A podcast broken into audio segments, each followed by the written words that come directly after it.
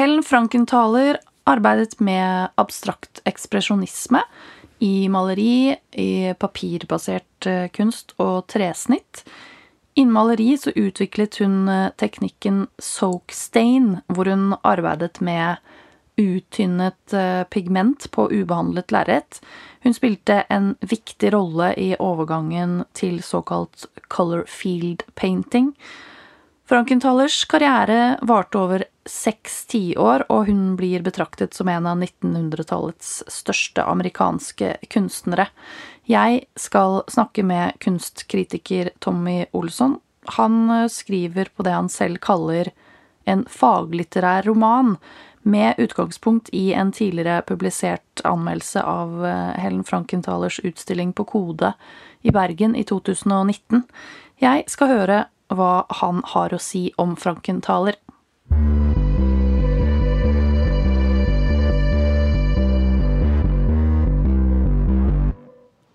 Du nevnte jo Lagde en lang liste over kvinnelige kunstnere når jeg ba om det på Instagram i forbindelse med den lille kampanjen vi hadde Ja. for å fremme kvinnelig kunstnerskap. Og ett av disse skriver du nå en roman om. På en måte så gjør jeg faktisk det, ja. Ja? Hvem er det? Helen Frankenthaler. Du skriver en roman om en kvinnelig kunstner. Det er ikke helt riktig å si at det er en roman. Nej. Eh, det är en hybrid. Men jag har, jag har kallat det för eh, en fag, faglitterär eh, profeministisk roman. Jo. Men vem var Helene Frankenthaler? Helene Frankenthaler är nog så lite belyst som en kvinnlig abstrakt expressionistisk maler i första generationen, alltså Eh, 40-50-talets eh, New York. Eh, samtidigt med Jackson Pollock. De fick, de fick cred för arbetet sitt flera tio år efter att deras manliga kollegor hade druckit sig till döde. För jag tänker som i en, i en sån generellt tillsynelatande mansdominerad eh, konstoffentlighet så är den perioden väldigt, väldigt macho. alltså. Det, eh, det har och det tror, jag, det tror jag hänger lite, alltså Dels har det med den tiden som det föregår i, men, men det är också det att det är ju, Abstrakt expressionismen är liksom en sån, tar ju sikte på en direkthet. Va? Eh, allting är stort, och allting går väldigt, väldigt fort. Och det är ju omtrent vad det vill si och vara man. Va? så är det också väldigt, väldigt såna här larger than life eh, personer som drev med det. Men så för ett par år sedan så var det på KD i Bergen så hade du en, ett lite utvalg arbete av eh, Helene Frankenthaler. Eh, hon är ju ellers typiskt nog mest känd för att hon var kona till Robert Motherwell. Och så är det, så är det liksom som, alltså jag såg ju den här utställningen och jag visste ju vad som väntade men det var, det var lika väl en sån eh, knockout-effekt. Alltså, du vet hur någon malare eh, eh, på en måte blir synonym med en farge. Som Kjell Nupen, ultramarin och, och, och sån och liknande. Och Helene Frankenthaler är så sär för hon är på grönt. Det, är nästan som alla andra färger bara är sådana special effects. Det är grundläggande väldigt, väldigt emerald green. Um, och maler, maler på försäljliga underlag. Jag ska inte säga att det är action painting för det är mer uh, det är mer stillfärdigt än det. Alltså du, du ser på måte att det har inte gått så fort. Va? Och det är inte nödvändigtvis beständigt så stort heller. Men eh, nej, jag, har fast, jag har fastnat där. Eh, tillfälligtvis. Men hva, altså, du, kan du si noe om hvorfor du tenker at eh, de hennes slår deg så veldig? Det kommer som en eftertanke. Va? Jag, har, jag har ju sett det förr. Och, och jag är generellt väldigt liksom, glad i den här perioden i, av modernismen. Um, men det har kommit lite som en sån efter, eftersläng. Det finns, eh, jag såg ett fantastiskt foto på när hon sitter på studioset i 1958 eller något sånt. Och då är hon basically ramma in av såna här extremt stora lärrätter. alltså hon sitter på en måte i sitt eget bilde. Vet du något om hvordan, hva slags position hon hade i sin egen samtid? Nej, under... Om hon stilte ut eller var hon liksom... Ja, det gjorde hon. Men alltså, hennes position var ju underordnad äktemannens. Alltså det är han som... Uh, det är han som är i historieböckerna i mycket, mycket högre grad än vad hon är. Men där är det också självsagt, det är ett par så det är ju intressant att se uh, likheter i bilderna. Och... Är det det? Är det en röd ja, tråd? Det är, nej, det är inte någon röd tråd men du, du ser att ser du länge nog så finner du ut av det. Att uh, de ser ju, bägge ser ju vad den andra driver med. Och då är det ju oundgåeligt att du plockar upp en ting eller två. Men vet du någon bakgrund hennes? Nej, jag vet väldigt lite om biografin hennes bortsett från äh, äktenskapet. Och att hon... Äh, nu håller jag på att se att hon levde längre än han gjorde men plötsligt så blev jag osäker på om det var riktigt. Nej, jag vet, jag vet väldigt lite som personlig... Äh, som biografisk. Men vad, varför tänker du att uh, vi bör veta vem hon är? För hon är så god. Alltså det här är, det här är väldigt bra ting, känner du. Och det, och det gäller för så vitt Lee Krasner också. Det, det, är en... Um, alltså det, det, är en... Det är inte snack om att korrigera konsthistorien, men om att komplettera den. Alltså för det här... Eh, jag tänker på det som eh, viktiga konstnärer. Varför är hon viktig då? Eller varför är det så bra? Vad är det som gör att det är så bra? Hur ska du förklara action painting? Hur förklarar du abstrakt expressionism? Ja, vi vet ju att det är väldigt många abstrakta expressionister ja. där ute som vi också känner till. Liksom, vad är det som gör att Helene Frankenthaler skiljer sig ut? Ja, det är två ting. Va? Det ena är den här besättelsen av, av grön. Och den andra är att uh, det är mer eftertänksamt utfört än att bara kunna bli avskrivet som en direkt... Uh, alltså det, det, är ju, det är ju om att maleri på en måte är en handling mer än, mer än ett hantverk. Va? Men, men hon hon är på kanten till att det faktiskt är mer hantverk. Alltså hon, eh, hon komponerar bilder omtrent som man komponerar ett stycke musik. Så det är egentligen inte så väldigt mycket expressionism då? Ja, alltså slutresultatet är ganska expressionistisk lika väl, skönner du. Men det är inte det här uh, utagerande och det är inte så mycket tillfälligheter i det. Va?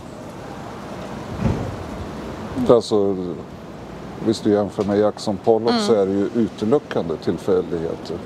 Själv om han menade att han hade styrning. ja, han hade väl en slags plan in, i mitt in i tillfälligheterna? Ja, självklart var det en plan.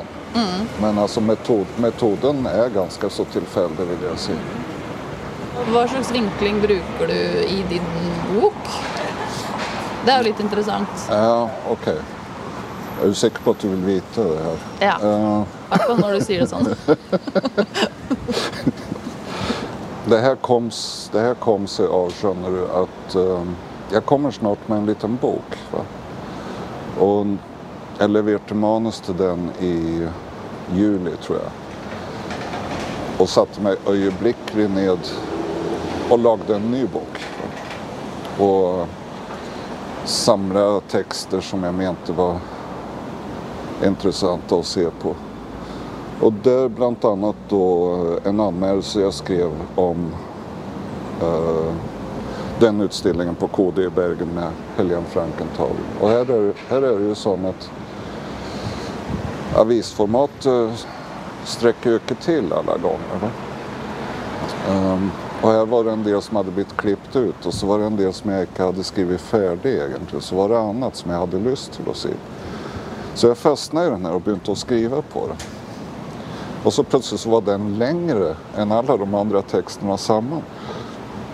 Så då lyfte jag ut den. Så jag sitter de facto och jobbar med två böcker.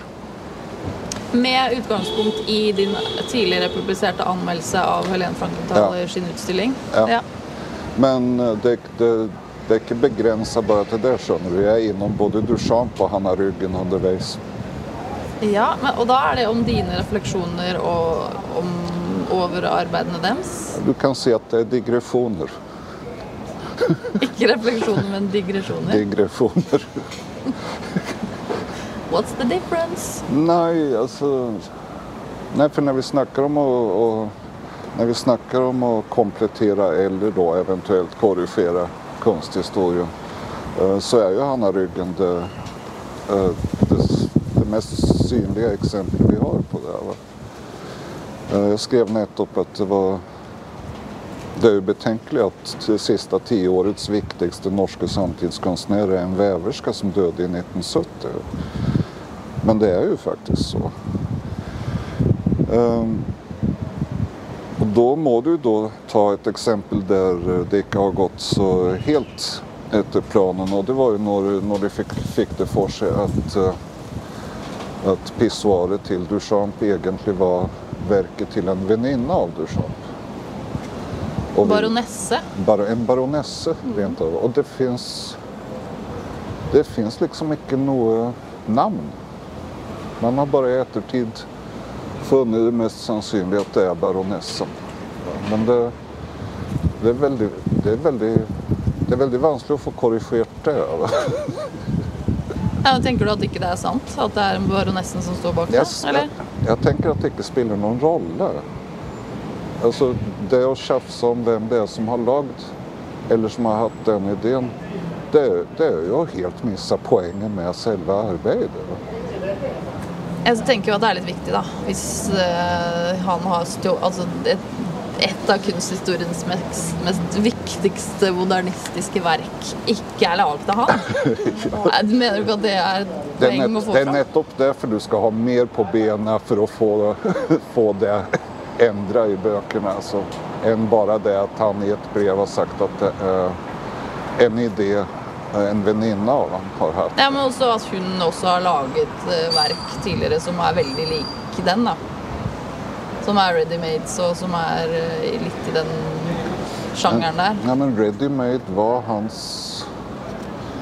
Alltså, oavsett en ready-made det involverar ju inte så mycket jobb. Att det är ju bara snack om att företa ett val. Ja, det är ett koncept, det är en idé. Men om hon ja. också har haft den idén för han, som många påstår, för dessa verken hennes är daterat för Le Pissoir, så är det ju ett poäng att få det fram. Då. Tycker du det? Eller tänker du att du bara du må tänka på verket uansett? Att, Nej, men det fordi är du ville ha forse, du ville skille Nej, men det här är första gången jag hörde om Cecilia. Okej, okay, ja. Nej, jag har, det var nytt för mig. Siri Hustvedt har jobbat mycket med denna tematiken och skrivit mycket om det. Om eh, baronesse eh, Loringhoven, eller vad hon heter. Ja, det är ett väldigt långt och fashionabelt namn. Mm.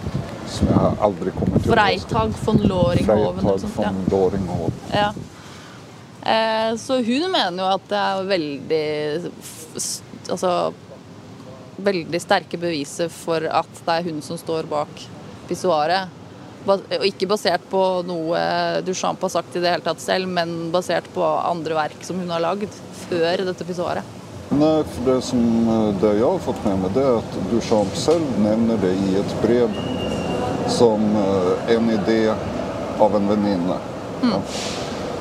Men då är det sånn, hvor mange venninner hadde Marcel Duchamp i 1917?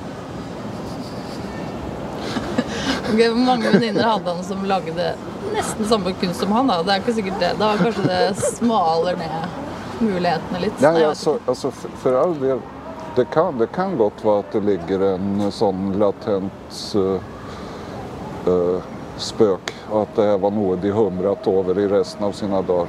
Och det kan gott vara att de ligger och hyl, av latter nere i graven nå då, över att det här ska bli krangligt. Och det är ett pissoar. och, den, och den står fel väg. Och, och den har förändrat måten vi ser konst på. Ja, da mener, mener du fortsatt at ikke det er viktig å vite hvem som har lagd den? Det är signerat Ermut. Ja. Så det är ju Ermut som har lagat.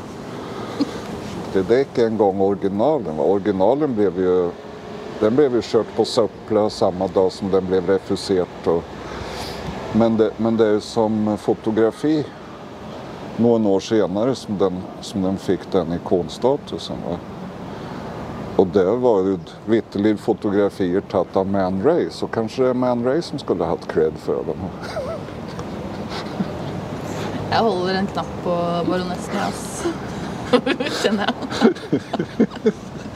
Men eh, så Men Nei, hvordan så- kom vi inn på det, egentlig? Hva Nei, var veien mellom Ermut og Helene Ja, Frankenthal? det, det, det, Det det, er boka di? Det är på grund av det här som du begynner, det är på grund av det här som jag har börjat att tänka på det som en romangenre. För det, Helene Frankenthaler, Hanna Ryggen och Duchamp är inte, det stoppar ju inte där. Och det är en ganska intressant samling folk.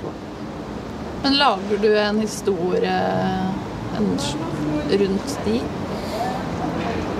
Nej, jag brukar det som undskyldning för icke att skriva om mig själv. Du kan se att det är den faglitterära delen. Dessa konstnärskapen. Romanen i sig handlar egentligen om något helt annat, du. Det här, det här var en ganska mörk materia, skjønner du. Om Frankenthaler? Nej, det var det lysa partiet. Eller låt oss säga det gröna partiet.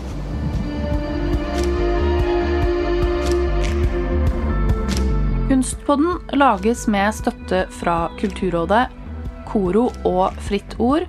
Jeg heter Cecilie Tyri Holt. Vi høres i neste episode.